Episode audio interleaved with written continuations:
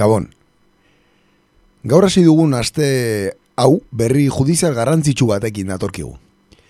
Izan ere, Estrasburgoko giza eskubideen auzitegi europearrak Euskal presoen kondenen inguruko ebazpena kaleratuko du aste honetan.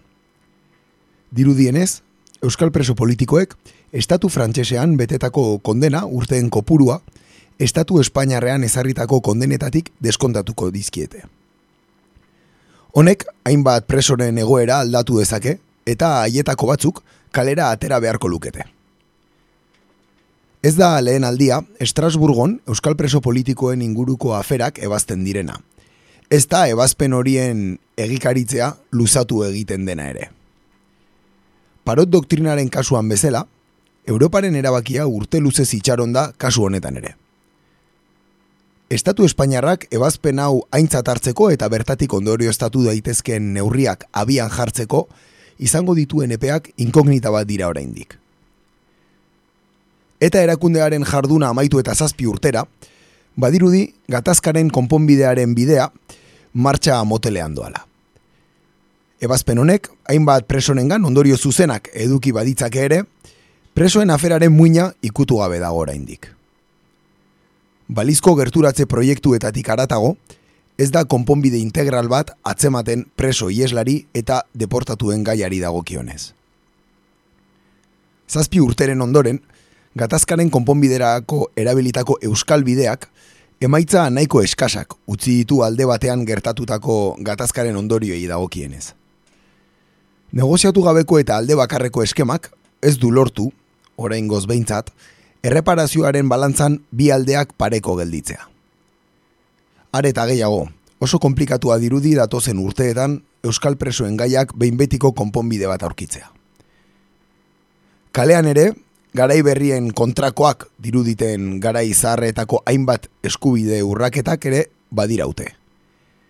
Kasu, Euskal Preso politikoen argazkiak ateratzeko debekua, dispertsioa pairatzen duten familiei Eusko Jaurlaritzatik garai batean emandako laguntza ekonomikoen deusestea, edota presoekiko elkartasuna adierazten duten ekimenen aurkako jazarpen poliziala. Honegatik guztiagatik, etorkizuna beltz ikusten da alor honetan, eta badirudi Espainiar gobernuak hartuko dituen erabakiak izango direla berri bakarrak hemendik aurrera. Hemen hasten da gaur egur. Guten Tag, meine Damen und Herren. C'est la lutte contre le terrorisme. Katea ez da eten. Agirre, garaikoetxea. Gaur egur. Gaur egur. Gaur egur. Jolasten eta enredando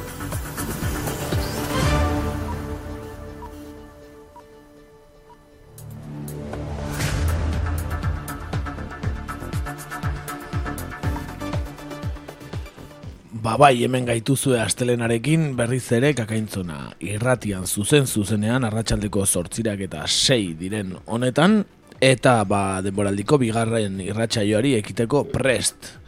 Aurreko astean e, gai desberdinen errepasoa egin bagenuen, ba gaurkoan ez, gaurkoan e, gai mardula dakartzkigu, bai bertako gaiak eta baita nazioartekoak ere, baina lehenik eta behin maiaren beste biankak agurtuko ditugu, ongietorri. Gabon, Haupa, kaixo, gabon guztioi. Eta ba, besterik ez entzule.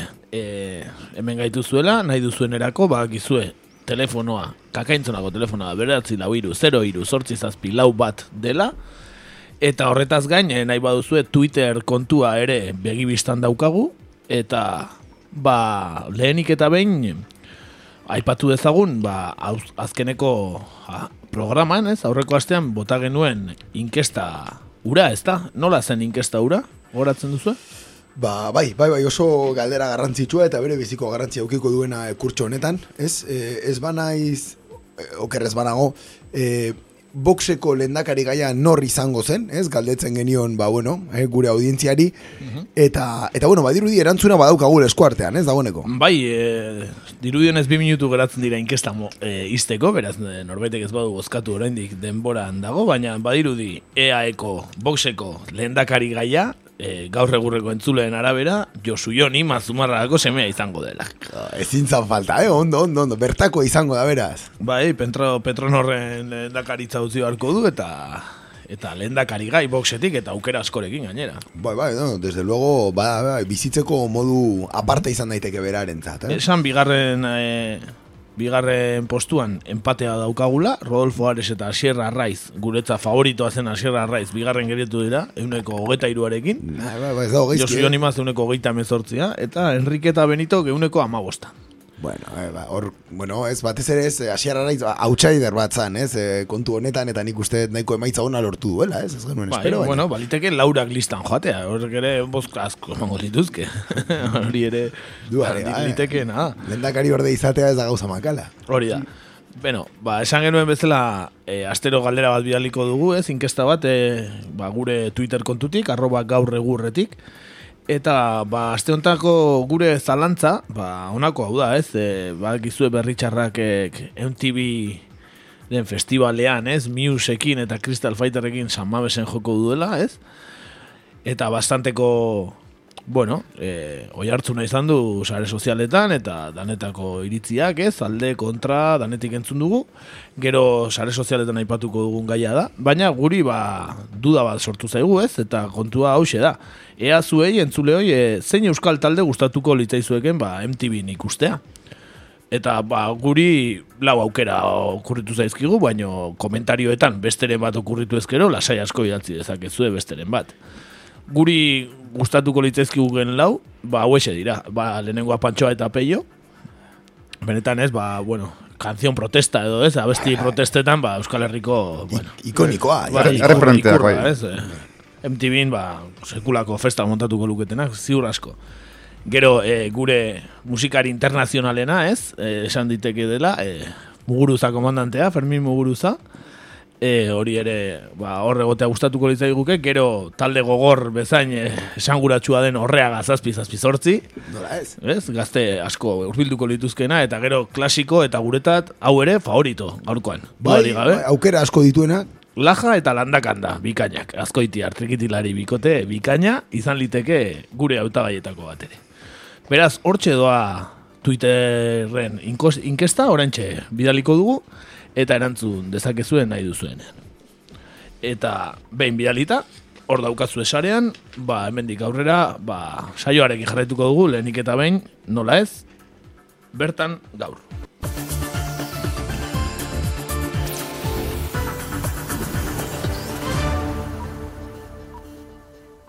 bertan gaur.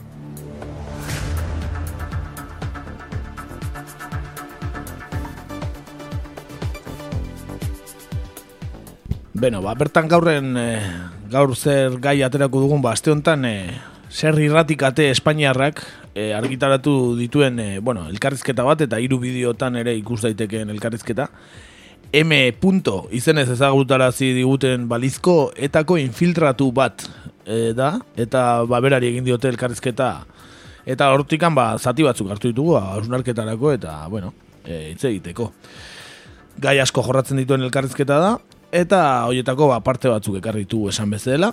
Baina lanik eta behin, bagoazen M. hori buruz zerrek egiten duen aurkezpenaren laburpen bat irakurtzera. M eta erakundean infiltratu zen Euskal Herritarra da. Inoiz ez da estatu segurtasun indarren parte izan, baina larogeita margarren amarkadan estatuaren instrumentu nagusietakoa izanaz etaren aurkako borrokan. Bi aldiz, Frantziara ies eginikoa da, eta auzitegi nazionalak kartzerara bidali ere bai. Barne ministerioak fondo erreserbatuekin ordaindu dio e, bere ekarpena eta berak dioenez bizitza bikoitz hori eramaten jarraitzen du. Emek dio ezkerra bertzelaren mundua ondo gertutik ezagutzen zuela, gaztetako lagunak zituela batzuk, eta bere ekinez estatuko indarrei dei egin ziela bere asmoen berri emateko. Zerkateak dioenez, etaren goreneko mailara iritsi zen, eta dio, etak gaur egun oraindik bere identitatea ez duela ezagutzen. Zerkateak gaineratzen digu emeren familia, EAJ alderdikoa dela eta gaztetan kale borroka ekintzetan parte hartu zuela. Zerkateak gainera, segurtasun indarrekin bere izaera kontrastatu duela dio. Erantzu, entzun ditzagun ba, balizkoetako sator, honen deklarazio batzuk. Ez da, hemen ekarri ditugu, ba, deklarazio apur batzuk eta komentatzen joango gara. Lehenengoak adibidez? Bai, ba, lehenengoak esaten du, galdetzen du, ea zergaitik infiltratzen den. Hori da, entzun dezagun ba bere arrazoiak zein diren. Pues por desgracia en el País Vasco y en España pues había muchos asesinatos, muchos atentados de ETA. Y cuando eres joven pues lo ves, jo, atentados sí, día sí, día no. Y llega un momento que dices, jo, algo tengo que hacer. Y decidí eh, colaborar y ayudar. ¿Y el por qué lo hago? Pues porque yo en mi juventud pues me rodeé de, pues, con mucha gente, no lo mismo con 14 años, eh, te juntas con, como me decían en casa, con eso no te juntes, pues me juntaba con mala gente, pero luego cuando abrí los ojos y fui a la universidad y conocí a otra gente, pues ya dije, me separé un poco del mundo de la izquierda brechale, como se le denomina, y vi que, uff, qué barbaridad, cómo podía haber estado yo en ese mundo. Y te abres un poco los ojos o te quitas la venda. Y con más edad pues me daba cuenta de que, algo tenía que, hacer para poder ayudar a acabar con el terrorismo de ETA. Y decidí hacer una llamada de teléfono después de sopesarlo durante mucho, mucho, mucho tiempo, pues estuve, no te puedo decir si un año, año y medio, nueve meses, pues dándole vueltas a la cabeza. ¿Qué hacer? ¿Qué- ¿Cómo puedo ayudar? ¿Cómo puedo ser útil? Y como ya te he contado que yo había estado pues, de joven metido en el, en el mundo de la izquierda del Chale, lo que son la Jarray, Gestoras Amnistía, la antigua Ribatasuna, pues sabía cómo se movía ese mundo, ¿no? Hice una llamada y lo hice desde una, llamada, desde una cabina de teléfono. Me alejé un poco de, de mi pueblo, porque tomaba unas medidas de seguridad, y hice la llamada diciendo que pues, quería ayudar a luchar contra el terrorismo y concretamos una cita. Bueno, hortxe ba lehenengoa, ezta? E, zergatik egin zuen, ala dio behar, terrorismoaren aurka borrokatzeko egin zuela. Sei dezagun aurrera, gero dana baloratuko dugu, ez dela. Bai, bai, agian dena entzun eta ondoren gure, ez, valorazioa egingo dugu, ez, elkarrizketa, eh, bueno, bitxi honen inguruan, norla esango dugu. Eh, bueno, eh, beste zati batean, belak, eh, bueno, kontatzen du, ba, etak berarekin nola kontaktatu zuen, ez? Eta, bueno, horrela, horrela kontatzen du. Pues para que ETA me toque la puerta de mi casa pasa mucho tiempo. Echas la caña y echas el anzuelo en un lado, en otro lado, en otro lado. Te haces notar, te haces ver que eres un tío echado para adelante o una mujer echada para adelante y que tienes ganas de... Y pasa tiempo, la verdad que costó, pero al final tuvo sus frutos. El sacrificio, el empeño y las ganas, pues tuvo sus frutos y por fin ETA tocó nuestra puerta. El primer paso es, te tocan la puerta, te conocen y te entra alguien en nombre de ETA y te dice que saben que estás dispuesto, que les ha llegado la información y, y a ver qué estás dispuesto a hacer. Pues si vives solo, si quieres colaborar, qué, dispon- qué disponibilidad tienes, te, te una, vamos a una pequeña entrevista y luego esa información llega a la, dirección de ETA, a la organización al otro lado, y dicen, pues bueno, con esta persona vamos a contar para esto, para esto. Para la siguiente, en el siguiente contacto pues se dan unas, unas contraseñas, ¿no? Pues ya saber que la persona que venga, porque es- evidentemente seguramente no la conozcas, para que sepas que el que te va a entrar otra vez es alguien en nombre de, de, de ETA. Ala dio beak eh, sartu zela etan, ez? Atea jozio dela eta eta bi aldiz gainera. E, gero, e, ba, komando batean egontzela dio, eta e, momentu batean ba, klandestinitatera pasatzen dela, eta eta beste aldera esaten dena joaten dela, ez? Iparraldera edo, edo Frantzia aldera, eta hori ere ba, kontatzen digu M izeneko pertsonaje honek. Si cae un comando y tú te escapas, pues te sepas a Francia. Lo primero te escondes o si tienes alguna cita de contacto en otro lado de seguridad, pues vas, si tienes la suerte de que te has escapado, te escapas y si te han detenido, pues te han detenido. Otro de los casos, pues puede ser de que te avisan, oye, es que te está, o te das cuenta tú que te están siguiendo y dices, pues ante el miedo de que te detengan, buscas la salida para Francia. Pero si estamos hablando de mi caso en concreto, lo que se esperaba de, de mí era también pues, que yo fuese a Francia. Va a llegar un momento que igual hay que empezar a hacer detenciones para que os tengáis que ir unos cuantos. Pues si el comando somos 10, pues evidentemente no me voy a librar yo solo. Sería muy, muy sospechoso, ¿no? Entonces pues hace, pues igual se detiene a uno, no se detiene a nadie y os, os escapáis. Pero para dar el salto al otro lado, pues claro, no vas todos juntos ahí. Los liberados van por un lado, los lamuncharios van por otro lado, cada uno se, se busca un poco las castañas, porque no así todos, si cae uno, no, que cae uno que no caigan los demás. Eso es también por, medio, por, por- por motivos de seguridad. Entonces en dos o tres que estábamos, pues claro, te tienes que encerrar, eh, esconder.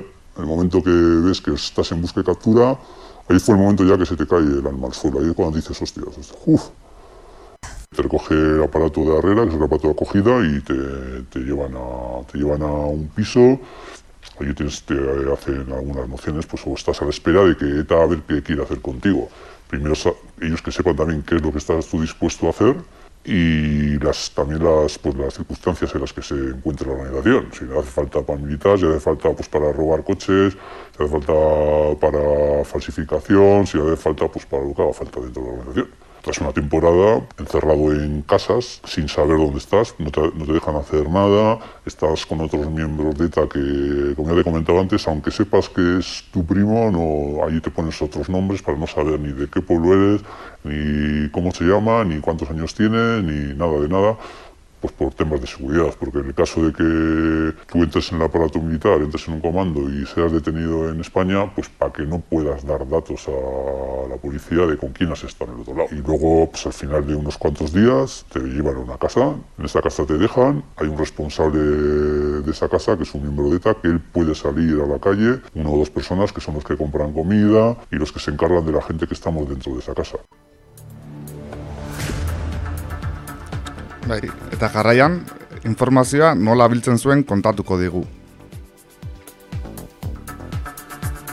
Pues yo levantaba el de reojo, me quedé, intentaba quedar con la calle y con el pueblo en el- con el que habíamos entrado con el coche y con el número del portal y con el piso al que habíamos llegado.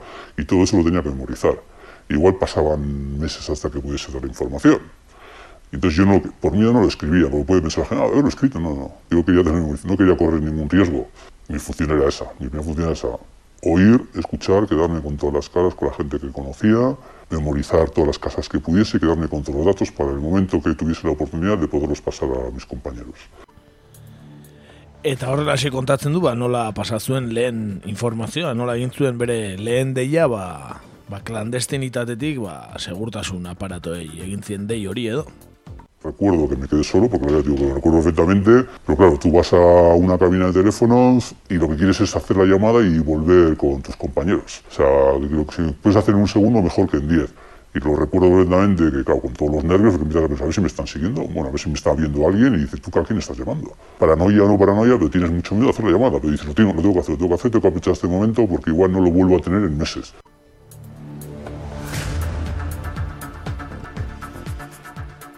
Honen ondoren, ba, bertatik nola irten zen ere kontatu zuen elkarrizketa horretan. Pues las salidas eran o se dice la verdad que ha sido un infiltrado, un colaborador o como quiera llamarlo, y huyes o se te cambia cambiar de nombre, cambian de una documentación nueva, te hacen cirugía estética, porque evidentemente vas a estar en el punto de mira de, de de los terroristas, van a querer asesinarte, van a querer acabar con tu vida. O vas a un país que te ayuden a hacer una nueva vida en un país fuera de España, o la alternativa que vimos que era la más, la que mejor me iba ir para mí sobre todo, pues, y para mi familia evidentemente, era pues que no se supiese la verdad y que tuviese que pasar por la cárcel. Y acabo siendo detenido y acabo pasando por la cárcel en Francia. Nola, nola atxilotu zuten eta bere kartzelaldia nolakoa izan zen kontatuko digu jarraian. cuando me tiene la policía francesa, pues me siento un poco más tranquilo de decir, pues siempre, te- siempre tienes el miedo de que a ver si van a descubrir que, que no soy, que soy un infiltrado, que me van a pegar dos tiros, pero el momento que eres detenido ya respiras un poco más tranquilo de pensar que no, van a, que no te van a pegar dos tiros, evidentemente estando en la cárcel. Y también el alivio de decir, mi familia va a saber que sigo vivo, porque hasta ese momento mi familia ya llevaba años sin saber nada de mí. Y la ilusión de volver a verles, de saber de ellos, de poder abrazarles, de poder saber cosas de mi familia que no tenía ni idea, de mis hermanos, de mis hermanas, de mis abuelos, de mis padres. Si no sabía nada, si están vivos, si están muertos, no sabes nada, nada de nada. Eso todo dato me tiro una buena temporada. Tampoco te voy a decir los años que estuve. ¿En qué me preguntas? ¿En Francia y en España? O... Porque claro, yo también tenía delitos en España. Entonces tuve que estar en Francia, luego te, como saben, te extraditan y cumples también condena, cumples condena en España una vez seas juzgado. Pero estuve una temporada en Francia y otra temporada en España. No, no te voy a dar pistas para que pudiesen llegar a mí a saber quién soy. Beno, ba, gaineratzen du, e, ba, Espainiar aparatuekin edo, ba, tratu batera iritsi zela, ba, bere kartzelaldia zenbatekoa izango zen edo, arrela joseo zer ulertarazten du, ba, badirudi, ba, tratu batera iritsi eta kartzelaldi epea ere negoziatu zuela bere kideekin edo estatuko ba, estolderiako jende horrekin.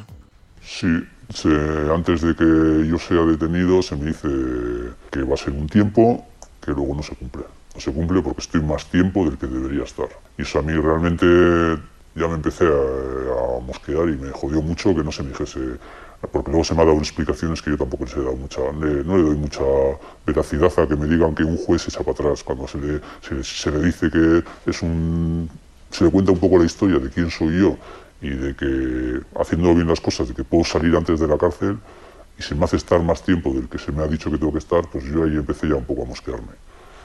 Y entonces, pues sí, realmente se pactó un tiempo, verbalmente, con los compañeros, que iba a estar cuatro o cinco años y luego estuve más tiempo del que tenía que estar. Entonces, para ti, sin, encima sabiendo que eres inocente, el estar en la cárcel, con las ganas que tienes de empezar a vivir, y el estar más tiempo, más tiempo, más tiempo, pues me fue quemando, me fue quemando y la verdad que me jodió mucho esa situación. Me hizo mucho daño.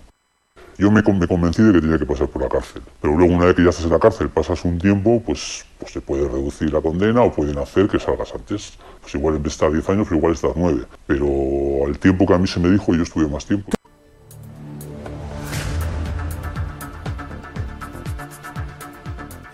Bueno, badirudi arrazoietako bat nahiko argi gelditzen dela, ez, azken korte honekin, baina denok, eh, bueno, gure buruari egiten diogun galdera, zergaitik hitz egiten du orain, ez, zergaitik aukeratu oraingo momentua guzti hau kontatzeko. Yo me he sentido como un mercenario.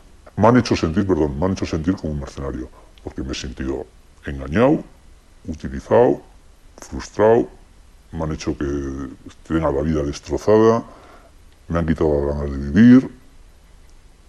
Y me siento pues realmente pues muy mal, muy mal, muy mal, mal.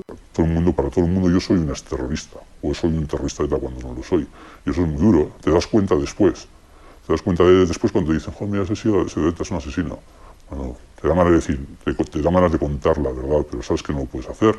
No ya por mí, sino por, no, por mi familia, por mi mujer, por mis hijos, porque si yo contase la verdad, les condenaría igual también a ellos.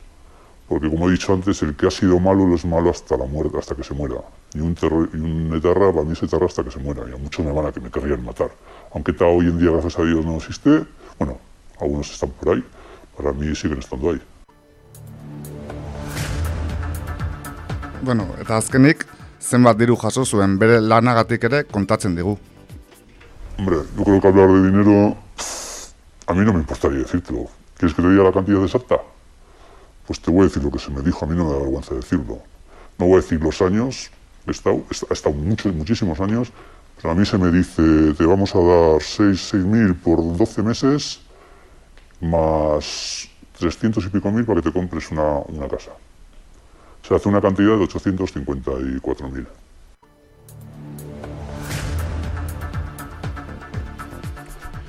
Beno, horraino, eh, sator honek kontatzen dituenak, M deitutako honek, M eta ez nahaztu James Bonden nagusia M zen, baina ez daukazer ikusirik. ez da, inuntik inola berbera. Ba, ez dakit, nik entzun nuenean duda asko sortzen dizkit, bere bere bertsioaren e, ba, benetako tasunaz, zatikan, bueno, esaten dituen gauza batzuk ez zaizkit oso ondo sartzen, ez dakit, ez zaizkit oso errealak egiten, gauzatako batzuk.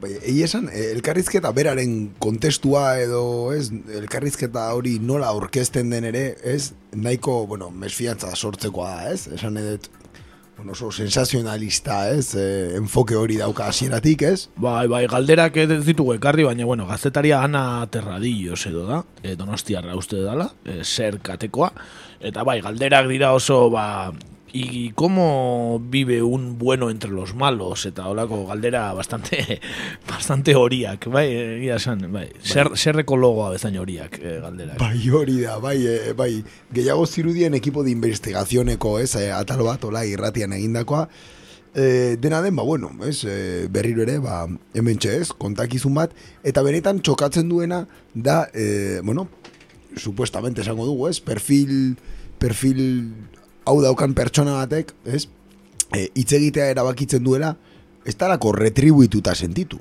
Hau da, e, berak egin duen balizko lan horrengatik, gezki tratatua sentitua eta horregatik hitz egiten du, ez? E, Zortzirun da berrogeita mar mila euro. Eman dizkiote fondo erreserbatutatik, eh? horretarako dauden fondo erreserbatutatik, ez? Ez ezagun naztu hor badagoela partida bat, Espainiar gobernuak urtero daukana, eta inungo justifikazio hori gabe erabili dezakena, ba, bueno, horrelako gauzetarako, ez? Eta nordaki zenbat, eh, zenbat gauza gehiagorako. Ba, Gainera, ez du oso ondo esaten, baina esaten du 3.000 euros por mes, o zain nola esaten duen, baina orduan, klaro, zortziron da berreta mar mila baldin badia, y 300.000 pa un piso. Gatzen dia bosteun da berreta mar mila, nik atera nun kalkuladora etzin ematen, baina gutxi era era, ama osturte edo emate zala, hola baldin bazan, o, bueno, azkenen emate ditula datu batzuk, beraiekin egon direnak, e, susmoatzeko edo edo asmatzeko zein da, horrek ere pixkat pentsarazten dit kontua. Bai, etan, e, egia esan, etan, bueno, ez dakite, elkarrizketa oso inteligentia etziru dien, ez? E, e, espetxe urtean inguruan adibidez ez du argi hitz egiten, baina gero hitz egiten du. Ez, de hecho, bueno, ez pistaren bat ere ematen du, ez, bere espetxe aldia zenbatekoa izan zen. Bai, Espainian da Frantzian egon zala, gero esaten dut tengo hermanas y hermanos, Baita tengo mujer y hijos, gauza gehiagi, ja gauza gehiagi, zerko aizteko moduko kontuak dira. Bai. Iruditzen zait, baita ere esango nuke euskeraz ez dakila, iruditzen zait, Mhm. da denominada izquierda bertxale esaten du, ez dakit, Bai, nahi, izkera gaitikan, esango nuke ez dala euskal eus, euskeraz ez dakila, esango nuke. Orduan, ez dakit zenbaten jako sinesgarritasuna daukan zeatik, anolako datu nik behin entzun da ateratzen baitut, ba, bere kideak izan diran batzuk, eta gaina, eta bezalako erakunde baten egon dienak, ba, olako informazioak eta tratatzen, ba, akizkitela pentsatzen detela, ba, ez dakit nolaino sinistu, zatik, pentsatzen dut bestela, ba, egunean bertan batzuk jaingo luketela zein, zein zan gutxi gora bera, o iruz palau kandidatu asko jota guiko zituztela, iruditzen zait. Bai, bai, egia esan, eh, ez da, eh, bueno, adjetibo bat horrela jartzeagatik, eh, ez da elkarrizketa serio bat, ez? Ez du ematen, ez dirudi behintzat elkarrizketa serio eta riguroso bat, ez? Ez, ez domaten, ez domaten. Gainera, esaten dituen gauza gehienak, e, ba, akizkigu herritarrok, ez, e, prentxan irakurrita, poliziak ere badaki, ez, e, gutxi gora era, funtzionamendua, aipatzen duen funtzionamendua, bueno, prentxan aspalditik atera diran gauza dira, ez? Ez da ezer berria, ezakit, ezer berri berririk ez du kontatzen, ez zait iruditzen. Ez, badirudi, hainbat egun karitatik, ez, egindako rekorteak direla, eta denak bat, ez, batuta daudela elkarrizketa formato batean, ez, gutxi gora bera, ez? Horatu, zerkateak e, esan duela, kontrastatu duela segurtasun aparatuekin, eta kontrastatu dela bere, ba hori, bere existitzen dela, eta bere, ba, rekorridoa benetakoa dela, kontrastatu duela, esaten duela zerkateak. Ez dakigu, nik, nik nire duda baditut, esan ditu da bezala. Bai, egi esan, e, bueno, e, berriro esaten dut, ez? Egi esan edo ez, ba, hori, elkarrizketa nahiko formatu e, hori, sensazionalistan eta nahiko hori, e, nahiko seriotasun gabekoa iruditu zitzaidan, bai. Horretaz gain, ba, badirudi, ba, ez dakit beste zeo zer izkutatzeko aukaten edo ez, baina berriz ere ez dala kasualidadea garai hontan ateratzea eta ari buruzko elkarrezketa bat, horreko astean ere atxilotuta izan zen pertsona bat, iruñan beste sei pertsona ere bai, ez dakit, iruditzen zait beste zeo zer bagola fondoan, zeo zer alfombrazpian izkutatzeko aukatela hau edanak e, aste berdinan e, gertatuta. Bai, e, bombo asko eukitzen duten ez, elkarrizketak dira hauek ez, azkenen edapen handia lortzen dute bakarrik normalean beti izan da gai nahiko morbosoa ez, e, infiltratuena ez, eta pixkat, e, bueno, horren inguruan ez, egon diren informazio guztiak beti oso pomposoak izan dira ez, e, esate bateako ez da. Bai, egia esan, e, historia, historian zehar bai egon dira, e, satorrak o topoak edo infiltratuak espiak edo nahi ez bezala ditu, bai, eta erakundean, eta horietako batzun errepasoa ere egin nahi dugu. bai, Bai. eh, jarraian aipa, aipatuko ditugu, ba, esan gure atxunak izan direnak, bai Euskal Herrian edo inguruan izan ditugun batzuk, eta bueno, aipatzearen, e, satorrei edo espioi buruz hitz egiten dugunean, denoi dator, datorkigu gogora, elobo ez izenez, eta erakundean espioitzan zehar duen Mikel Lejartza. SECED izenez, Servizio Central de Investigación delakoan, eh, ezagutzen zen erregimen frankistaren inteligentzia zerbitzuko agentea izan zen. Bai, e, bueno, Mikel, Mikel Lejarza, e, bueno, karlista familia tradizional euskaldun bateko semea zen, bai, esan bara dau. E, bitxia, eh? Bai, bai, bai. Bai, eta lejartzaren espioitzak, ba, estimatzen da, eunda berrogeita mar etakideren atxiloketak ekarri zituela. Esanguratsuenak agian, Ezkerra eta Wilson izenez ezagutzen ziren buruzagienak. Baita aipatu, sarekada horien ondorioz atxilotu eta ondoren fusilatu zituztela, txiki eta otegi besteak beste. E, lejartzak emandako informazioen ondorioz, e, zapuztu zen lehen Segoviako kartzelako ies saiakera, naiz eta beranduago beste iesaldi bat egin zuten. Lehenengo iesaldi plan hartan, iaz irurogei presok ies egin eta baionan mundu guztiaren aurrean prentxaurreko bat egitekoak ziren. Bai, eta esan bezala, planura zapuztu egin zen legartzaren lanaren ondorioz. Bestalde badaude etan espioi izanaz, eh, ziurta, ziurtatzen duten eh, polizia gehiago, bai, bai patzearen, ba, laro gehieta bederatzi, laro gehieta mabi artean, hm? barez, abizeneko bat, zein gaur egun kantabreako trafiko zuzendarea den. Sinez garritasun eza nabaria sumatzen zaio eh, kasu honi. Beste kasu bat e, izan daiteke, arantzazu goitizenez, Donostia komandoan larogeita margarren amarkadan infiltratu omentzen emakumearena. Bai, eta esan beharra dago, arantzazu ez izeneko polizia hau, zentzapean jarri zutela, ardi beltzak azetan e, ateratako informazioaren ondoren. Bai, jarraituz, larogeita margarren eh, amarkadan, ba omen zen beste espioi bat, bai, e, Josef Anido, izenez ezagutzen zena, eta jatorriz belgikarra zena. Eta larogei garren amarkada bukaeran, erakundea espiatzeko saiakera egin zuena, eta itxuraz ba guztiz lortu ez zuena. Bestalde, eta ere atzeman izan ditu bere barnean, ba, espioi lanetan zebiltzan batzuk, historian zehar. Horien artean, e, Tomas Sulibarria, Jose Luis Olivia eta Ignacio Olaiz adibidez. Irurak e, etak erailak eta Gonzalo Santos larriki zauritua. Beste bi infiltratuk berriz, Jose Luis Arrindo alias Kokolisok eta lehen aipatutako lejartzak ies egitea lortu zuten. Estatu Espainiarari dagokionez, e, badakigu grapo erakundean ere bantzerako espioi kasuak eh, egon direla e, bere historian zehar. Beno, ba, benetan e, gertatu diren kasuak dira sator hauenak, ez espia hauenak, infiltratu hauenak, baina, bueno, azken ekarri dugun honena, ba, bueno, esan dugun bezala, ziurtasuno osorik gabe aipatzen dugu, baina, bueno, gehiago ere izango ziren, e, jakin ez dakizkigunak, hori seguru, ez dakigu zeintzu diran egia, zeintzu diran kondaira, baina egunen batean, ba, Jonan Fernandez eta bere lantaldeak igual argituko digu, ez? Noski. E, Bai, bai, hori bai. ere argitzeko izan beharko da, ezta?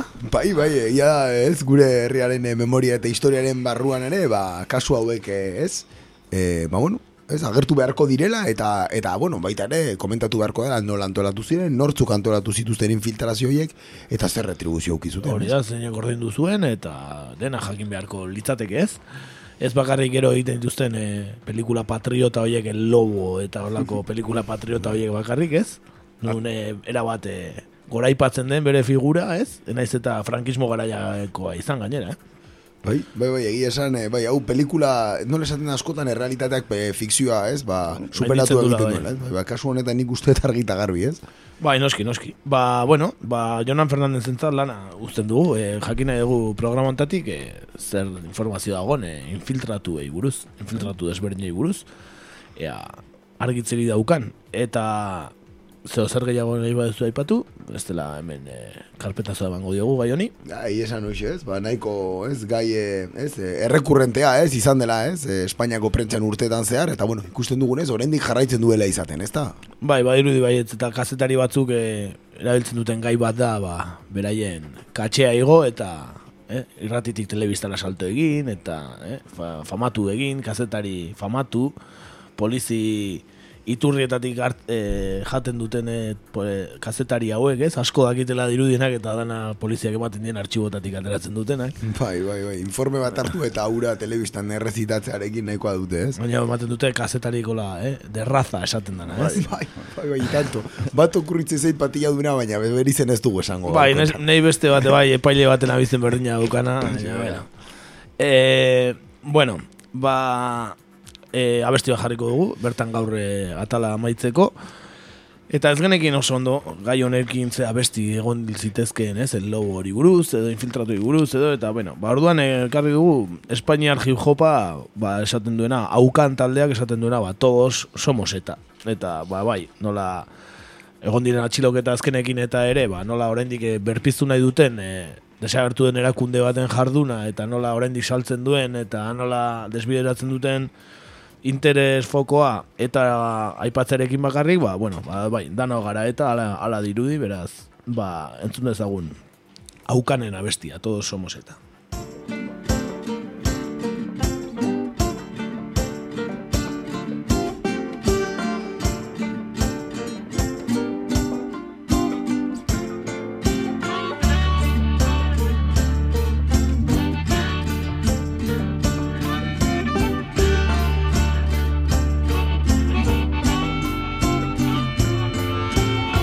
Cortas los hilos que te hacen marionetas, si les quitas la careta y no te crees su receta, incluso si llevas coleta o si mamas de la teta. Ahora todos somos setas, desconfías de sus piruetas de demócratas veletas, si no te comes las mentiras que sueltan en su gaceta, si eres feminista, antitaurino de la marea violeta, tú también eres zeta.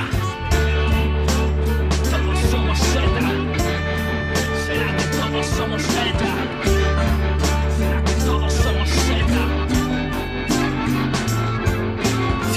Arte hace preguntas incómodas a quien decreta Si no te conformas con tragarte lo que el poder excreta. Si cantas y actúas y escribes fuera de su órbita perfecta Te pondrán en pasamontañas porque eres zeta Yo escupo versos de amonal que les hará saltar de su banqueta. Hacemos que les duela el culo sin volar una furgoneta. Esa música que molesta y que no es discreta por soldársela en la jeta.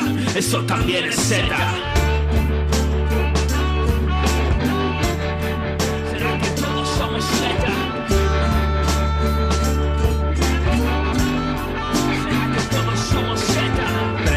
manipula a una población paleta. Artistas incomunicados, Jiménez Los Santos y su escopeta.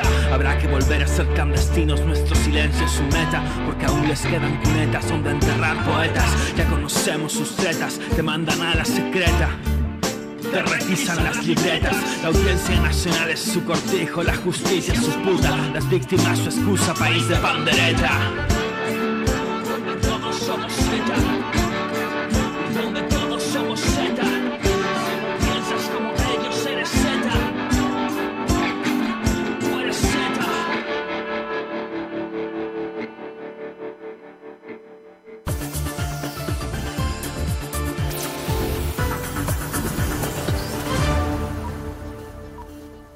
nazioartean gaur.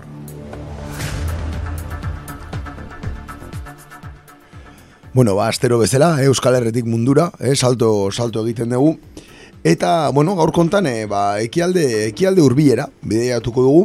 Eh, azken astean, ba, hautsak eh, arrotu ditune gertaera bati buruz hitz egiteko. Eh, bueno, hain zuzen ere, Turkiatik Saudi Arabiara, eh, eramango gaitu gaurko bidaiak. Urriaren bian, e, iesean bizi zen e, Jamal Kasogi, kazetari Saudiarraren desagerketari buruz ba, pixkataritzeko. E, thriller baten itxura, hartu duen e, afera honi, ba, bueno, eltzera goaz beraz, haber zeiten dugun. Mhm.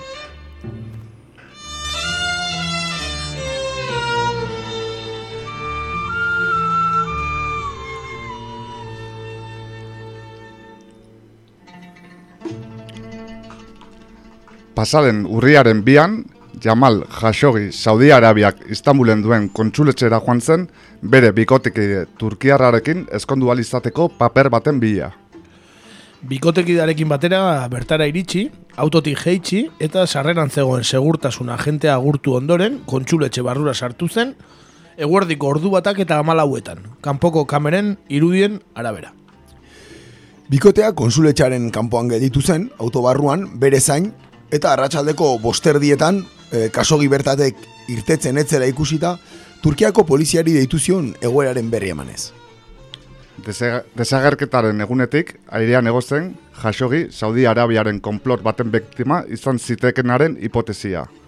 Egune, egun gutxi, gutxietara konfirmatu zen konplota.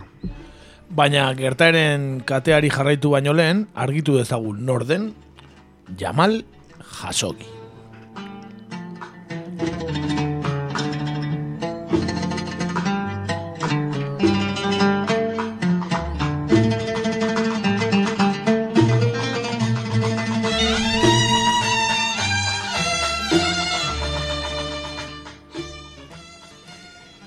Jamal Jasogi azken hamarkadetan Saudi Arabian izandako kazetari entzutetsuenetakoa eta polemikoenetakoa izan da. Kazetaritza munduan, ospe, ospetsu egin zen, behin baino gehiagotan Osama Bin Laden elkarrizketatu izanagatik. Biak ziren familia beratzekoak, jasogik denbora, denboraldi bat pasa zuen Bin Ladenen herrian, non segurazki berarekin konta, kontaktatzea lortu zuen. Larogei garren amarkadan, kazetari moduan Afganistanen izan zen. Ziak eta Saudi Arabiak Sovietar batasunaren aurka antolatutako jihadari buruz berri ematen. Esan beharra dago, jasogik eh, jihad horrekiko zuen simpatia ez zuela inoiz ezkutatu. Jamal, orain, e, bueno, desagertuta eraildako Jamal ez da kasogi familiako izen esanguratsu bakarra izan. Bera itona Saudi Arabiako lehen erregearen medikua izan zen, eta bere osaba, Adnan Jasogi, arma trafikante famatu bat. Bin Ladeni egindako elkarrizketak emandako ospearen arira, Saudi Arabi- Arabiako erreinuaren informazio agentziarentzat lan egin zuen. Bertako monarkiaren aholkulari eta bozera maile ez ofiziala ere izan zen urte luzeetan zehar. Azken urte honetan ordea, kritiko agertu zen Mohamed bin Salman printze oinordekoak bultzatutako erreformekin. Baita Saudi Arabiak Yemenen 2008-etik aurrera daraman gerrarekin ere. Kritika horien ondorioz, bere buru arriskuan ikusi zuen, eta atxilotua izatearen beldur, estatu batu eta erbestera, erbesteratu zen, eta Washingtonen bizitzen jarri.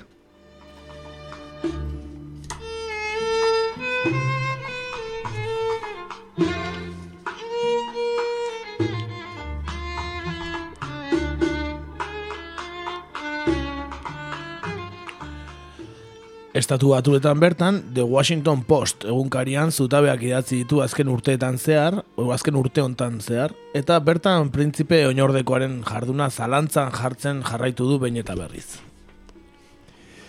Baina bueltatu gaitezen Istanbulen gertadutakora.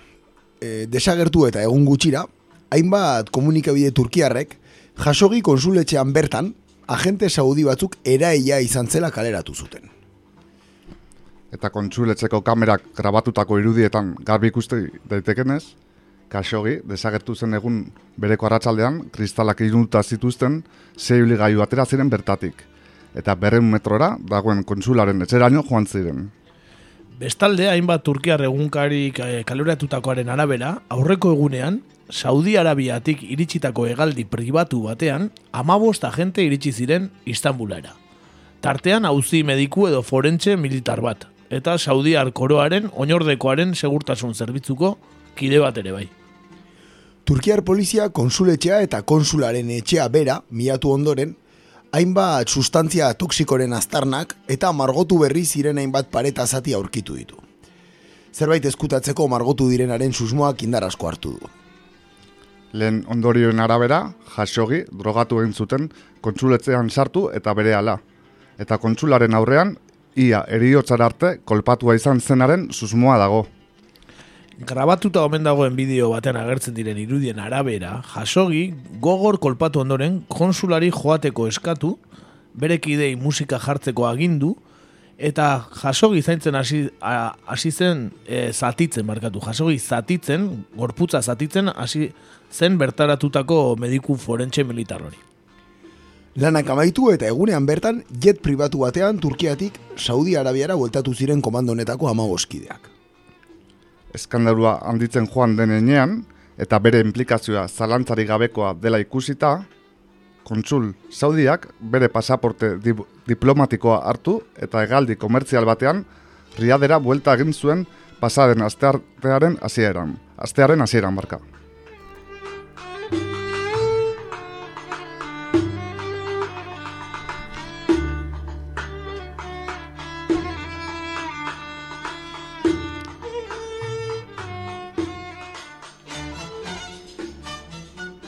Bueno, pentsatuko duzuen moduan nazioartean, ba, bueno, zala parte indartsua, sortu du jasogi hauziak, eta Saudi Arabiarekin aliantzak eta baita akordio ekonomikoak dituzten herrialdeak lotxarazi ere. Ba, alde batetik, Trump izan dugu, hasiera batean jasogi kontsuletxetik irten zela ziurtatu zuen Saudiar printzearen bertsioa ontzat eman zuena. Dena den gauzak hartu duten dimentsioa ikusita, Trumpek zu hau itzaltzeko asmoz bere estatu idazkari den Mike Pompeo, Riadera eta Istanbulera bidali du aste hontan. Bai, are gehiago, eh, agente estatu batuarrak bidali omen ditu Turkiarekin eta Saudi Arabiarekin elkarlanean aritzeko. Eta bestalde, Vla- Vladimir Putinek Sotxin izandako konbentzio batean, estatu batuek jasogiren desagerketan arduraren bat badutela esan zuen.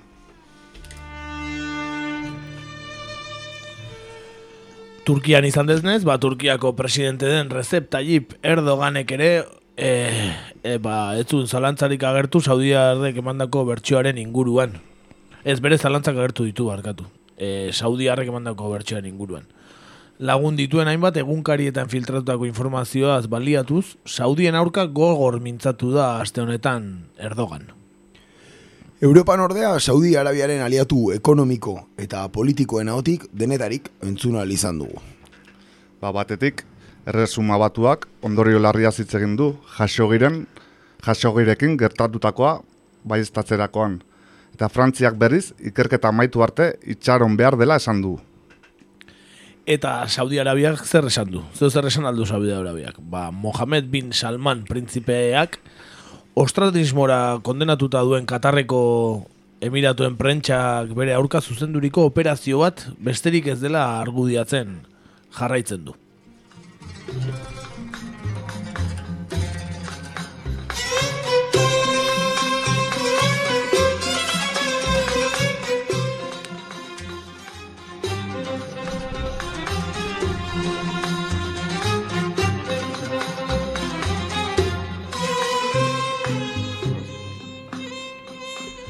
Beno, bazirudien, ba, horrelakoak beste herrialde batean, bakarrik eh, estatu batuakek, eh, Israelek, eh, Rusiak eta egiten zituztela, ez da, baina ez ez, Saudi Arabiak ere egiten ditu, komando berezi bat bidali, Turkiara, eta konsula jatuan bertan, konsuletxean bertan, eriotzeraino jipoitu, gorputza zatitu, gorputza deusestu, Buah, desagertarazi, beretan harrigarria, eh? Pelikulakoa ematen du, Jason, Jason Bourne ematen du dela, baina ez, Saudi Arabiako gobernuak egindakoa da, eh? Bai, bai, egia esan, bueno, ez da txiste erresean erortzagatik, baina nahiko Mossad style, ez, e, da operazioa, ez? Bai, bai, naiz eta batzuka, e, ba, musulmanak diren eta besteak e, sionistak, bueno, nahiko ondo eramaten dira, eta seguru aski Mossadek erakutsitako teknikaren bat ere erabiliko zutela. Dude izpirik ez da gatorren inguruan, bai. E, ez, egia esan, bueno, e, azken finean, bueno, jasogi bera nahiko, nahiko personaje singularra da, bai, bere bizitza osoan, e, esan behar dago, bueno, bera familia e, nahiko aberats batekoa dela, aberats ez esategatik, Erregimenako semea da, ez? Erregimenaren semea da. hori da, bai, e, familia realean egon gabe, hau da, erregearen familikoa izan gabe, bueno, nahiko familia, bueno, dirutxu batekoa, eta de hecho, horregatik, e, bueno, e, lortu zuen desente konektatzea Osama Bin Ladenekin, bai, Osama Bin Laden ere, ba, o, e, oligarkia horretatik e, jaiotako semea zelako, ez?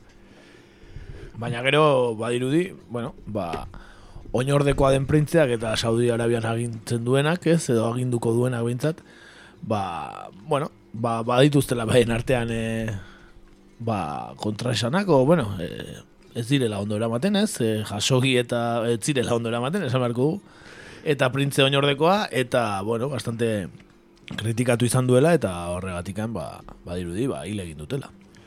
Duari, gabe, de hecho, bueno, eh, príncipe, bueno, pre, Mohamed bin Salman príncipearen, bueno, trayectoria nahiko, bueno, nahiko previsible zan horrelako zerbait gertatu zitekela, bai, kontutan euki behar dugu, hain dela urte eta erdi ez emezortzi jabetera agian ez da eh, iritsiko, eh, berak, eh, bueno, estatu kolpe eh, baten antzeko bat, ez, antolatu zuela, eta eh, Riadeko Ritz hotelean, bai, eh, ba bueno, eh, errege familitik gertu eta inkluso errege familiko kide batzuk e, itxi egin zituela, entzerratu egin zituen e, hotelean, bai, e, berak gestio batzuk egiten zituen bitartean, oda purga bat antolatu zuen, bai, purga nahiko berezia, zerritz hotelean purga bat egitea ez da oso, ohiko- ez da oso ohikoa ez, eta, bueno, bai, te- garin bezala gartzela nengo zian, gutxi gora bera. Hori da, bai, pixkat hori da estilo horretakoa. Eta bueno, eh, hainbat espetxera sartu zituen, eta ba, bueno, pixkat bere zirkuluarekin bete zituen botere postuak. Eta areta gehiago, bere, bere aita, bai, bere aita lehen, e, bueno, orain oraindik erregea dena, bai, e, palazio batean, bai, e, bueno, ba, itxi zuen, entzerratu zuen palazio batean, eta hor jarraitzen du, e, ba, bueno, ezin da, ezin da bertatik atera, Konfinatuta. hori da, konfinatu da, eta erabakirako, ba, ba bueno, almenik gabe, bai, e, ba, erabaki botere guzti hori kendu dio, eta bera da orain, ba, bueno, e, dena gestionatzen duena. E, esan dako, hor dago Yemeneko gerra, e, hor daude egindako, bueno, ba, e, Arabia Saudi mailan egindako purgak, eta hor dago, ba, kaso giren eriotza, ba, es- estilo honetan. Bai, eta, bueno, ISIS ere zein finantzatzen zuen ez dugu inoiz jakin, eta Siriako kontu guzti hori ere nola sortu zen, eta abar Bai, eta gero abar. Iranekin daukan gerra diplomatikoa eta, bueno, diplomatikoa ez dan hori baita ere. E, joan den Iranen zen atentatu gogorura, eta, bueno, denak izan dezake loturatxo bat edo, bueno. Bai, beti ekialde hurbila joten garen, esaten dugu estatu batuakek eta Rusiak eta e, asko agintzen dutela bertan, baina, bueno, e, hango jaun eta jabe dira bai Israeleko sionistak eta baita Saudi Arabia, eh? Saudi Arabia, ba, horazi behar dugu, ba, estatu aberatxenetako bat dela munduan, petroleoari esker, eta kristoren e, influentzia daukala, bai estatu batuetan, bai Rusian, bai toki asko. Bai, eta aliatua dela, bai estatu batuekin, eta bai... E, Europarekin, hori da. Europa guztiak armak saltzen dizkio, Espainiar estatuak barne, eta bertan e, Euskal enpresa batzuk ere bai. Baita, hoxe, samarrun, baita Euskal eh, Autonomia Erkidegoak ere, e, horren inguruan, e, baditugu datu batzuk eskura, bai, e, bueno, honek nahiko, ez, e, bueno, nahiko, nahiko agorritu ditu, ez, bere, bere aliatuak, ba, bueno, batez ere Europar batasuneko herrialdeen gehiengoa, bai, eta badirudi lehen, bueno, lehen ondorioak gaur iritziela, ze, bueno, az, arratsaldean e, entzun dut, e, Alemaniak erabaki duela arma gehiago ez saltzea Saudi Arabiari. Bai, lehenengo herrialdea litzake, ba, bueno, bere kontratu armamentistikoak, ba, bueno, bertan bera uzten dituenak edo, bai, Saudi Arabiarekin. Azkenean gehiago balio du, eh? Horrelako kasu mediatiku bat, hain, hain estremo, hain arraroa, kontsuletxe baten akatzea kazetarioa, gehiago balio du, Yemeneko gerra osoak baino, ezta? Ez, aurreko astean komentatu genuena, ez? Zortzi milioi eta erdi pertsona daude aurrengo otordua ez dakitela nola egingo duten, baina kasogiak atzen dute eta horren, ez, arira santzioak hasten dira aplikatzen, bueno, hau ezin da ulertu, ez? Bai, oi hartzun mediatikoa, ba, desberdina tamalez. Baina, claro, eh, morruak asko saltzen du, eta guk ere ba, horregatik komentatzen dugu, hau, ez? Benetan eh, kasu kurioso alako, ez? Desber, i- hilketa desberdin badalako. Hori da, bai, berez ez daka, e, nola esan, berez hilketa berak ez daka trascendentzia politiko handirik, ze ez dut pentsatzen Arabia Saudik e, aurten egindako lehenengo izango danik ez da gutxiago ere, bala? Ez da azkenan, eh? dio bauzka hiru hilabete. Hori da, bai, abendu arte baitik editzen zaie tartetxo bat, ez? Baina bai, e, ba, bueno, eukiduen oi hartzuna nahiko handia izan delako, ez? Bueno, estatu espainiarrera bueltatuz komentatzen genuen pixkan negozioen asuntoa, ez? Zenbat diru, ez? Ba, eta zenbat e, komertzio egiten den herrialde honekin. Esan dago, ez? Errege emerituak oso erlazionak zituela, e, ba, bueno, a- Saudi Arabiako erregearekin. Bai, bai, e, firmatzea eta oin diopea juten da, ez? Adibidez, e, kaf enpresak, e, nola, mekatikan, e, nola, riadetik mekara, Medinara, ez, Medina, eh, Medinatik hori da, mekarako abiadurandiko trena egin behar hori dana ere e, errege emeritoak, ez? Juan Carlos, e, no volverá a ocurrir, e, que idatzi, e, firmatutakoak dira. Efectivamente, bai. Bueno, kontratu hauen barne zer dakau, adibidez, aurten sinatutakoa, Navantia, ez? E, bueno, e, barkuak edo ez, astilleroak dituen Navantiak, Ar, bost ar, arma barkuak egite ditu, arma, bueno, barku militarrak edo, bai. hori da, bai, e, bai, mota guztietakoa gainera, ez? Nahiko, ez uste dut kadizen adibidez, ez? E, bi eraikitzen ari direla, eta ez dakit beste hiruak bost korbeta dira orokorren, ez? E, osa, o- osotasunen behaiekin, e, ba, bueno, Bai, igual, entzule gogoratuko dute, ba nola bastante polemikoa izan zen, e, Kadizeko alkate Podemoseko alkatearen kitxik, ba, esan zuela telebistan, ba, bea, e, beti gongo zala, lana egotearen alde Kadizen, eta berdin ziola zeini zer saltzen ziren, ez? Eta, o, ba, oiek ziren, barku batzuk oiek ziren, ez? Bai, bi- bitxia da, ezkertiar baten ikuspegia hori izatea, ala? Bai, bai, ba, bastante polemika sortu zuen horregatik, ezta? Daiko txokantea izan zen, ez? E, onartzea Yemenen zegoen e, sarraskia, e, kaizeko, ez dokit, e, lau mila langilek lan aukitzarren, ez? Bueno, Bueno, bozkak ez dizkiote jemeniek ematen, eh? hortxe dago igual asuntoa, ez da? Arazoaren muine igual hoixe da, ez? Bueno, esan dakoa, bost korbetan e, tratu horretan e, mila sortzireun milioi euro, bai, e, paktatu zitun gobernuak e, Saudi Arabiakin, Eta pasaden urten, e, armetan, armamentuan, berreunda irurogeita mar milioi euro saldu zituen. Gero egon zan ere beste afera hori, bomba famatu hoiena, bai, misil e, teledirigitu hoien kontua, bai. Espainiaren superarma intelektuala ara. Hori Bai, da, hori eh, da. ba- Bakarrik zuen, borrelek esan zuen. eh, Borrelek, bai. E, bakarrik eh, nahi zituztenak agatzen zituela, ez? Teledirigitu guztian, ez? Ez dakit. Eh. Onak eta txarrak bere izten bazekien... Hori da, misilak, ez dira. Hori da. Esan imarrarire. Horrela saldu zuen, inspektor Gadget, eh? Vamos, hor, vamos, eh? Gadget o misil, venga, Bai. pun, eh? eh behatzi milioi euro. Eh? Behatzi milioi euro eh, lareun eh, misil txiki hoien gatik. Baina Euskal Autonomia erkidegoan ere badago zer esan. Bai, eh, kontutan uki, azken urte hauetan, euneko amarrigo direla esportazioak Saudi Arabiara, eta euneko amar, igual ez du asko ematen, baina laukoiztu egin dira. Bai, azkeneko bosei urteetan. Beraz hori, e, Euskal Autonomia Erkidegoan ere badago, badago zer esan, eta azken datua 2008koa da, bai? 2008ko abuztukoa, eta urte horretan abuzturako ja berreun milioi euroko esportazioak eginda zeuden. Eh, Euskal Autonomia Erkidegotik, Euskal Herriko datuak ez dira existitzen osotasunen, ez dakit Nafarroatik edo Iparraldetik zerbait egongo den, ez dut pentsatzen aina handi izango danik, batez ere ba industria armamentistikoa dalako, ez? Bai, eta ipatu hori, hemen gertuen daukaguna, hemen urretxu zumarragatik gertuen, ba, kaf enpresak, e, hori, e, abiadura handiko trena egiten ari dela, han ez da, e, Medinatik mekara, ez dala edozein tren. Meka badakigu zer den musulmanentzat, eta Hori da. badakigu zenbat jende joaten den urtean mekara, beraz ez da edozein tren. E, Eso es, lujo guztiekin egindako trena izango gainera. duari gabe peregrinaziorako bide hori nahi zuten e, zabaldu, de hecho hori, e, bueno, desertutik doan e, tren bada, bai, abiadura handia de, desertutik doana. Eta eta hoixe, ba Ramadaneako pres nahi zuten eta eta hortxe dago trena martxan. Mm? Eta bueno, ba zer esan, ba Ba genekin, eh? Saudi, Arabia beti agertzen da nunbaitetik azkenean, ez? Balima da protagonista moduan beti agertzen da, ez? Ekialde hurbileko gai bat jorratzen dugunean beti dago nunbait, ez? Ba, Israel ez dela, azkenen eh, dirua daukate eta diruarekin ba, gauza asko irabazten dituzte isiltasunak eta ez, e, diplomatikoki ez e, inungo ba, edo ez egoteak eta bar, ez, ba, diruarekin azkenean, eh, hainbeste importatzen duen eh, enpresa hoi estatu batek, ba, jaten ematen die aliatu hoiei eta aliatu hoiek ba, isilik bestela grifo etxiko dielako. Horrela da, horrela da, bai, eta eta azkenean hor daukagu, bueno, bere, bueno, ba, partner nagusiak, ez, hor daukagu Europar batasuna, esate dizut, herrialde potenten gehiengoak ez guztiek, bai, negozio handia dute, eh, Saudi Arabiarekin. Zer esanik ez, Estatu Espainiarra eta zaria, Estatu Frantsesaren datuak ez dauzkagu eskura, baina oso, oso kontratu potoloak sinatzen dituzte. Hausartuko nintzateke esaten, dala gehien komerziatzen duen estatua, Saudi Arabiarekin, eh, arma, Europan. bai, Europan. Bai, Gero estatu batua daukagu, noski. Zeren, ja, orain, orain amar urte baino gehiago nola zan hau Michael Murren dokumentaletan, ja agertzen zen, eh, nola Saudi Arabiak zeukan estatu batuaken uste euneko irua edo bosta, e, barne produktu gordinaren euneko bosta, edo beraz, bere diru guztiateako balu estatu batuetatik, bueno, des, bueno, beste krisi mundial bat sortuko luke, ez? Saudi Arabia bea bakarrik.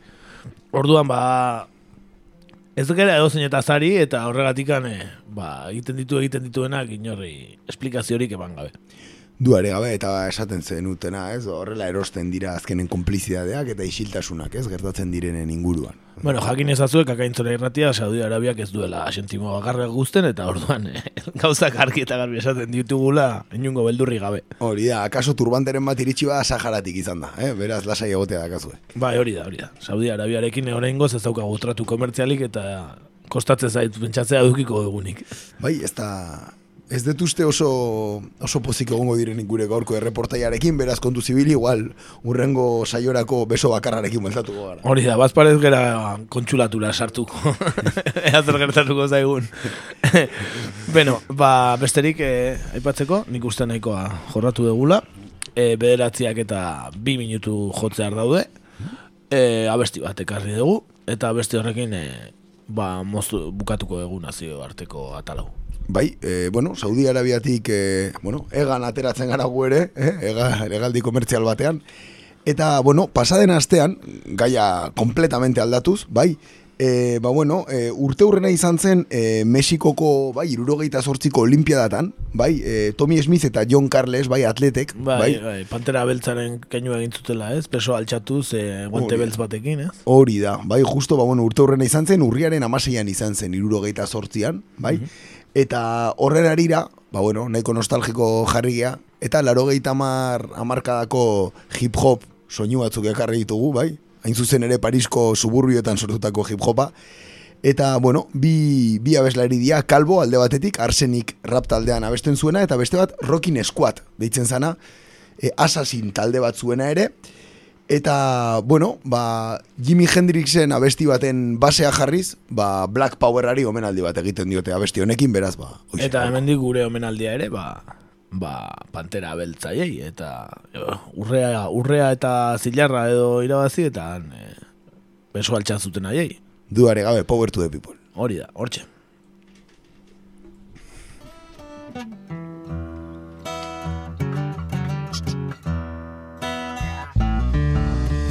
Le pyro para opéré volté comme Sankara para L'assaut des chars avec un phrasé à Sankara Gara Ce choix les micros donne pour le frère qui osa Se dresser contre l'autorité comme la de Rosa Cosa.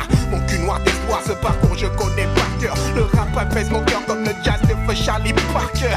Ma rancœur est tenace et je largue les amas Les anciens sont mon esprit comme les feux groupes pour parler Parler franc parler tant qu'ils courent et suicider À moins d'être que Boris A pardonné aux personnes qui l'avaient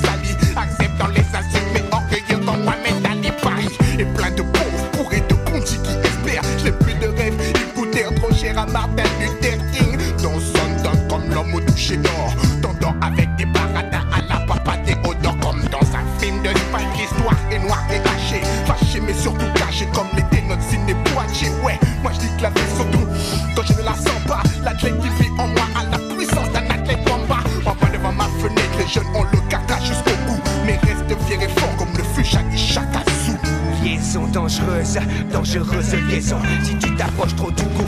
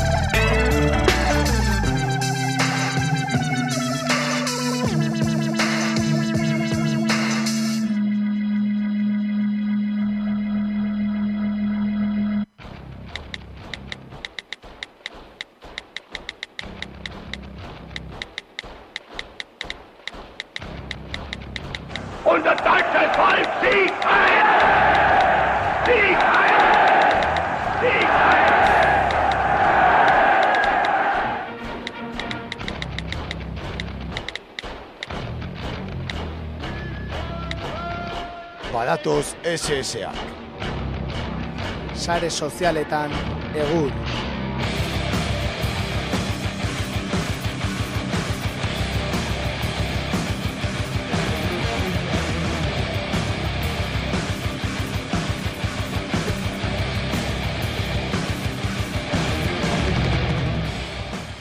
Beno, ba, sare sozialetan e, zer daukagun gaurkoan, ba, e, egia esan, e, aste honetan, agian e, Euskal Herrian iritzi gehien eman den kontua berri txarrakena da.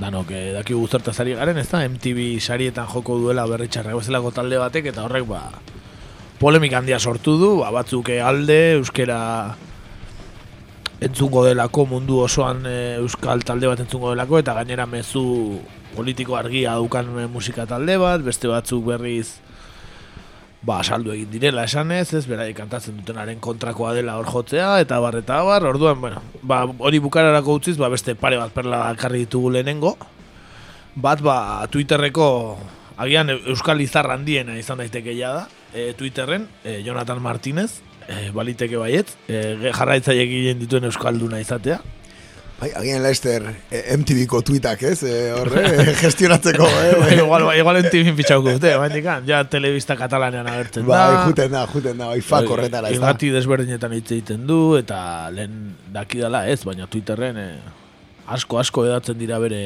ariak eta bere tuitak, eta... Karrete politaka, eh? Bai, eta, bai, bai, egia esan bai. Beno, ba, beste polemika bati buruz eh, hitz egin zuen, izan ere, ba, San Miguelek San Miguel Cerveza ez San Miguel Urkiolakoak ez San Miguel Cerveza e, ba, ba bideo bat kendu zuen e, internetetik eta zirkulaziotik ba, herriko tabernak aipatzen zituelako ez da Orduan Jonathan Martínezek hola esan zuen San Miguel pide dis disculpas y retira un vídeo tras una campaña fascista contra un anuncio en el que una chica explica que en Benidorm hay bares de diferentes culturas incluso una herriko taberna eta itzulpena jartzen du taberna popular vasca, hori esan bai du herriko taberna, que ematen du esan nahi duela ez dakit, bai, nicho, nicho de asesinos, baina ez ez. eh, herriko taberna, esan nahi du, herriko taberna, dano akigun bezala hemen. Gero jarraitu egin zuen Jonathan Martinezek, e, ariak egitea gustatzen zaio, eta ariarekin, eta esan zuen, Falange y Democracia Nacional han agradecido el gesto de San Miguel eh, este es el peligroso anuncio ya retirado eta ba, kendutako bideo anuntzio horren zati bat jartzen zuen eta guk eh, bertatik ba, audioa ba, berreskuratu izan dugu, ba, Jona Martinez idazkezaren sarean ja ez dago bideo hau, ez, ezin da aurkitu. Beraz entzun dezagun San Migueleko anuntzioko neskak dioena. Viene a ser siendo las Naciones Unidas del Ocio. Hay una comunidad noruega muy importante, una comunidad inglesa también. Tienes pubs irlandeses, tienes comida india. La única Erico Taberna que está fuera del País Vasco está aquí en Benidorm. Ba horrela xe, eh? la única Eriko, esaten du, Eriko Taberna que está fuera del País Vasco está en Benidorm, esaten.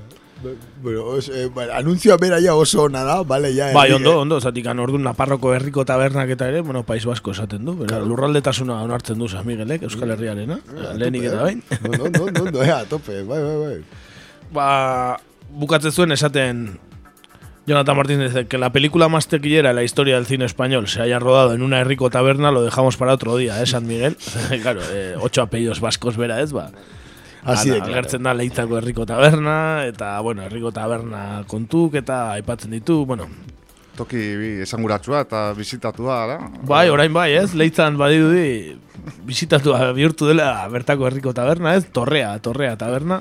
Jende asko juten omen da, eta bai, bai, e, inungo arazori gabe gainera bere txakolia hartzea, tortilla pintxo hor pelikulan eskatzen duen pintxo bajatea. San Miguel edatera. Hori da, efectivamente, efectivamente, ez? Bueno, eh, Beraz, surrealista, bueno, ez? Kontua izan da hori, ez? Gaina hori, nabarmentzea hori. E, kampaina egin dutela Falange, Demokrazia Nazionalek eta hoiek egin duten kanpainari erantzunez kendu duela San Miguelek, ez? Beraz, eh, bueno, fascisten presioari men egin diela San Miguelek, ez? Mendik aurrea nahiko klientela fastistoidea eukiko duela uste dut, eh? Ez? Ba. Badirudi, eh? Ikusi egin behar, ikusi egin behar. Bai, Hemen, bai. gero ez da gutxi godaten da, esan bai. beharrago. Gipuzko aldean bintzat bai, ala dirudi. Igual horregatik, ez?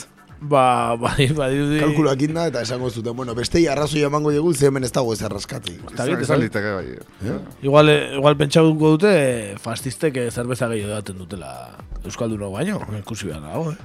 Espero ezagun, eh, aurrengo hilabetean Kellerrek ez duen bera anuntzio bat herriko taberna baten grabatzen. bueno, hau ja polemika handiko gaiz- kontua izango bai, beste bateak utziko dugu, bai.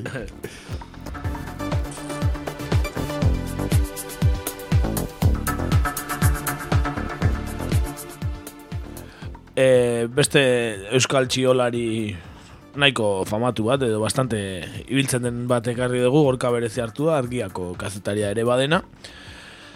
Hala idatzi zuen aurreko astean. Igual okupatutako eraikin batik gaztetxe deitu ordez, eskuatin hub deitu, deitu eta intu, e, deitu ezkero igual instituzioek bakean utziko lukete. Edo finantzatu. Idea txarrak. Ideia txarrak, esan dezun. Bai, egia da, ez? Baina modan dago, inglesez jarri ezkero dana, ez? Igual finantzature, bai. Bai, bai, bai. Eri gartziak erantzun egite zion. Basque Squatting Hub Center, hobe. Hau ondo gehatzen da, eh? Bai, bai, hola, hola ditu ezkero, ezkero, seguro, Eusko Jarlaritza dirua soltatzen dula. Imagina, eh, Maravillas Basque Squatting Hub Center. Eta ja gero gorka berezi hartuak, ba, ja erantzun zion, ez dakit, pare bat kaina hartuta edo, esan zion. Eta agarrabela with the hand, nonbait sartuta ja, perfecto. Gehiagizkoa, ja, ez? Ba, bai, ez Pero baina- aldi baten or- ondorioa, ez? Orduan, izango Bai, zen, bai, bai. orduan gaztetxe beharren, hemendik aurrera, Basque Squatting Hub Center agarra, agarramela with the hand. Ba, bai. Ja, izango zen, Ja, totala izango zan ez, ez, desde luego, inglesez jartzen bali maizu, eneko goiekin ez tezu arazo geukiko, eh? Bai, bai, baina dana da horrela, Basque Culinary Center, dana, dana, dana jartzen dute inglesezko kontua. Dani. Basque Team, Basque Country ez daki, osea, denbora guztin, ez? Hor ematen du inglesez jarritan, no? Esan, eh, Euskal Herriko itzuliak etzun beste izen bat hartu? Itz, itzulia bakarrik eta gero Basque... Oza, Basque Country... Basque Country. Bai, bai, ziklismo Itzulia Basque Country, itzulia Basque Country zen. Bai, Bai, horrela, dana, dana izen aldatu eta inglese datu egiten dute, dana. Eusen leku publiko eta zitzeiteko inglesen bebi bat behar dezu hain, eh? Bai, Bi- Bilboko zorrotza auzo berri hori ere, Bilboko Manhattan ere entzun Bai, dugu, ara? bai, bai, bai, Manhattan, egia, bai, bai. Bueno, Bilbori beti gustatu izan zaio handi ustea izatea, eta hontan ere, bai. Beti izango dugu Bilbao, ez da? Beti izango dugu. bai. ba, Bilbotikan moitu gabe, guazen gure azken gai horrekin, kontua da berri txarraken afera hori, ezta? Bai, bai, badago, eh? Egu- Egurrasko moztu da aste honetan, eh? Kontu honekin. Bai, gehiegi. Kontua da, ba, iritzi asko, Twitterren asko faltatzen, e, bueno, ez, izlarriekin, eta ba, ezin, ezin izan ditugu danak ekarri, eta ez ditugu ekarri nahi izan, zeren e, ertz, ertz asko dauzkan, ertz asko dauzkan polemika bat da, batzuk e, berritxarren kompromisoa e, ez, nabarmentzen dute, Euskal, ba, gizarteko erakunde desberdinekin erakutsi duen kompromisoa, behaien alde jotzen, eta abar. Beste batzuk berriz esaten dute saldu egin direla, orduan, bueno, nola hainbestekoa izan den, ba, ekarri dugu, ba, gure herrikidea den e, Gorka Erostarbek idatzitako artikuloa, bastante gauza azaltzen dituela bai. iruditu zaigu, eta, bueno, gu baino hobeto idazten duenez, ba, berari emango diogu hitza, eta, eta bueno, ba, berak esandakoa aipatuko dugu. Alaxe esaten zuen Gorka Erostarbek, NTV eta kultur apropiazioa izeneko bere berriako artikuluan. Berritxarrak taldeak e, aritu beharko luke MTVk Bilbon e, azaroaren irurako antolatu duen kontzertuan galdetzen du. Zale askoren buruan bueltaka dabilen galdera da egunotan. Hautsa garrotu dituen ez dakit, baina debatetxo bat eragin du kontuak.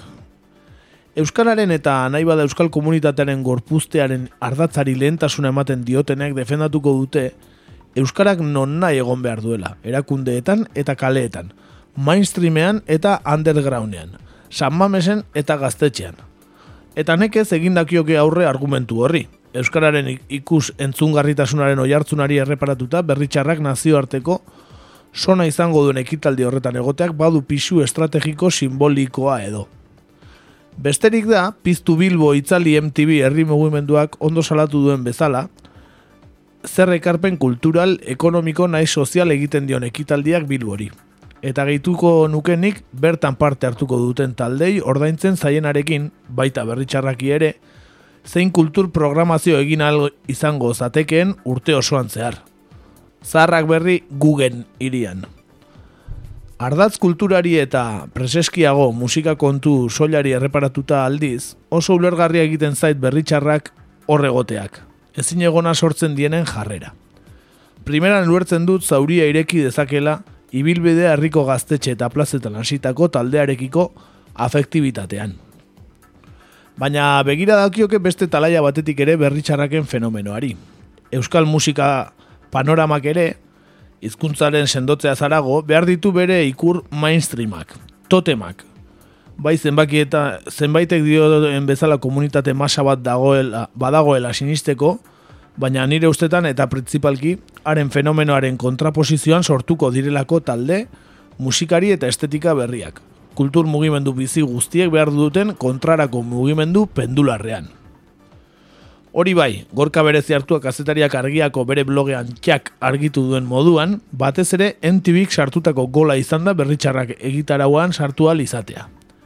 Eta horrek bai dakarki dala gogora kultur apropiazioaren eztabaida.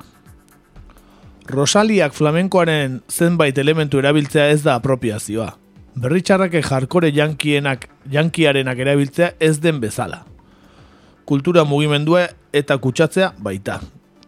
Pu- Purutasunik ez da kulturan, ez beharrik ere, baina Universal Diskoetxe transaz, transnazional erraldoiak Rosaliaren irudia globalizatzea edo entibik berritxarrak bere esparrura eramatea bada kultur apropiazioa kapitala kapitain izanik eginiko apropiazioa, eta horretan taldeek sortzaileak ere badute erantzunkizuna.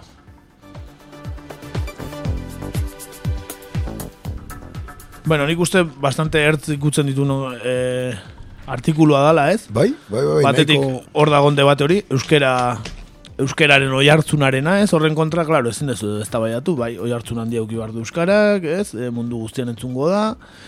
Eztabaida horren kontra ezin da, ezin da ezer esan. Hori hala da eta punto, ez? Hori hori egia da. Bestetik, esa, baina esa- e, baita aipatzen du, piztu Bilbo en, e, Itzali MTV-ko plataformakoak bezala, ez? Ba, hor sautzen dan diru guzti hori, nola erabili daiteken, ba, urte guztian beste kultur programazio hobeago bat egiteko, eta abar, ez? Bertako taldei laguntzeko, eta abar.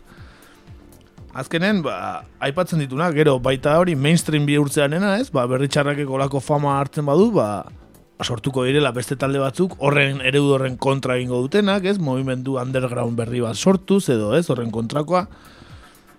Bueno, bai, eta gero daukagu MTV-rena. Kontu guztionetan, bea dala irabazten ateratzen dan bakarra. Zalantzari gabe, zalantzari gabe. MTV gola sartzen du eta eskuadratik sartzen du gainera. Gero egia esan, nahiko desente harritu nau, e, egon diren kritiketan edo irakurketatan, bai? E, bueno, kasu honetan, e, e, gorkako sondo egin duen moduan, bai? Euskararen gaia, ez? E, atera izana, eta inork ez dakala argumento bat, ez? Horren, ez? Horri kontra egiteko, ez? Euskara munduan, bez? E, entzungo dela. Baina asko harritu nau, jendeak ez erreparatzea e, abestitan jorratzen dien gaiei. Hau da, adibide bat jarriko dizuet. E, beti egon da grina handia, ez? Euskal Herrian, bueno, sektore batzutan behintzat, adibidez, presoen afera, ez? Mundura zabaltzeko, ez? Edo, edo bueno, e, gerra zibilaren biktimen kontua, ez? Mundura zabaltzeko, ez? Eta badaukagu, kasu honetan berritxarak taldeak, bere repertorioan baditu kanta bat baino gehiago, ez? Esango nuke, e, presoen aferaren inguruan, edo, edo gerra zibilaren biktimen inguruan, eta eskaparate hori mundura egongo den eskaparate horretan errebindikazio horiek ere presente egongo dira, ez? Arritu nago inork ez, inorrek ez duela hori aipatu, ez? Hori bai, kontzertu osoa izango dalako, ez? E, kontzertu oso bat joko du berritxarrak, Bai, bai, bai, ez hori- bi hiru abesti, ez? Ez, ez, ulertu dut eh, kontzertu oso moduan, eh? Orduta laurdeneko iraupena, o, vamos, kontzertu oso bat izango dela. E, arritu nau kritika hori ez agertzea, ez? Irakurketa hori inun ez dute irakurri. Bai, baina betiko ez da da, ez? E, musika talde batek oi hartzuna nahi du, ez?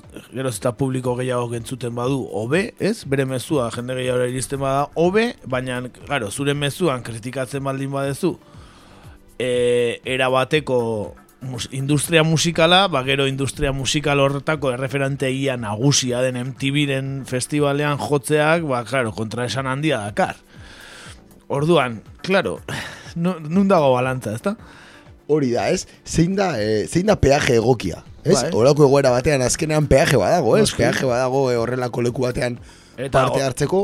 Orain berritxarrak denon- demonizatu dezakegu horregatik, baina gogorazi behar dugu, e, mar, e, errekale horreko kontu egon zenean, kontzertua jozu dela doain, e, txosna askotan jo duela. Atortxurroken Atortxurroken berra, urtero, ez? eta Hori da, gaztetxean, gaztetxeetan, gaztetxeen alde, toki desberdinen alde, adibidez tuit bat irakurri nola Euskal Herria irratia, Iruñako irratiaren alde beste behin ere aurten joko duela doain gorka aurbizuk, ez, e, kontzertua. Hemezortzi eta laro eta hemezortzi sumarioaren abestia, eta Bai. bueno, beste hainbat ekitaldi. E, inkluso arazoak euki dituen taldea izan dela, ez? Espainian jotzeko behin baino gehiagotan arazoak izan dituzte, Bai, ez? bai. E, Kontzertuak bertan bera utzi behar izan dituzte Mhm. hau beteren presioaren gatik. Esan dut, guzti horretan irakurketa, ez? Nahiko zabala dagoela, baina ez? nola, guzti hori dagon, Eh?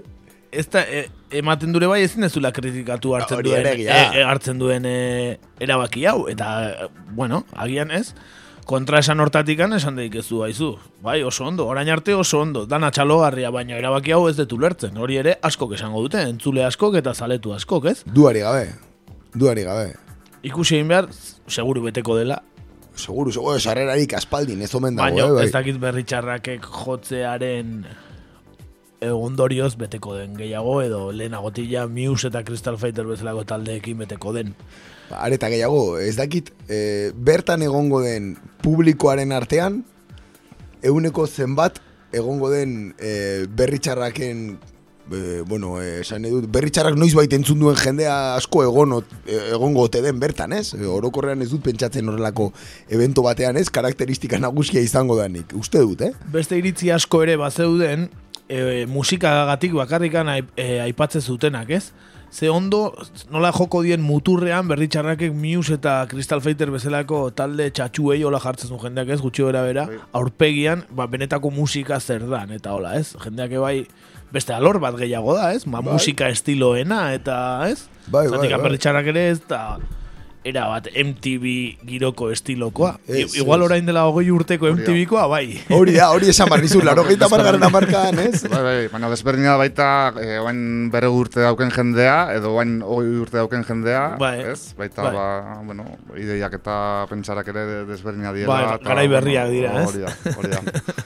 Duare, gabe, sikiera, sikiera eh, propio berritxaraken repertorioan, ez? Eh, nik uste bi, ez? Evoluzio guzti hori ere ikusi daitekela, ez? Laro gita margarren amarkadako musikatik, eh, ba, bueno, eh, 2000 eta emezortziko, bueno, popea, ez? Incluso. Bai, pop rockera, ez? Ez? Lehenko bai, txandal metal hartatik, ez? Hori da, hori da, bai, bai, Ba, bai. pop rockera egin duen evoluzioa, bai, bere musikan, ez? Bai.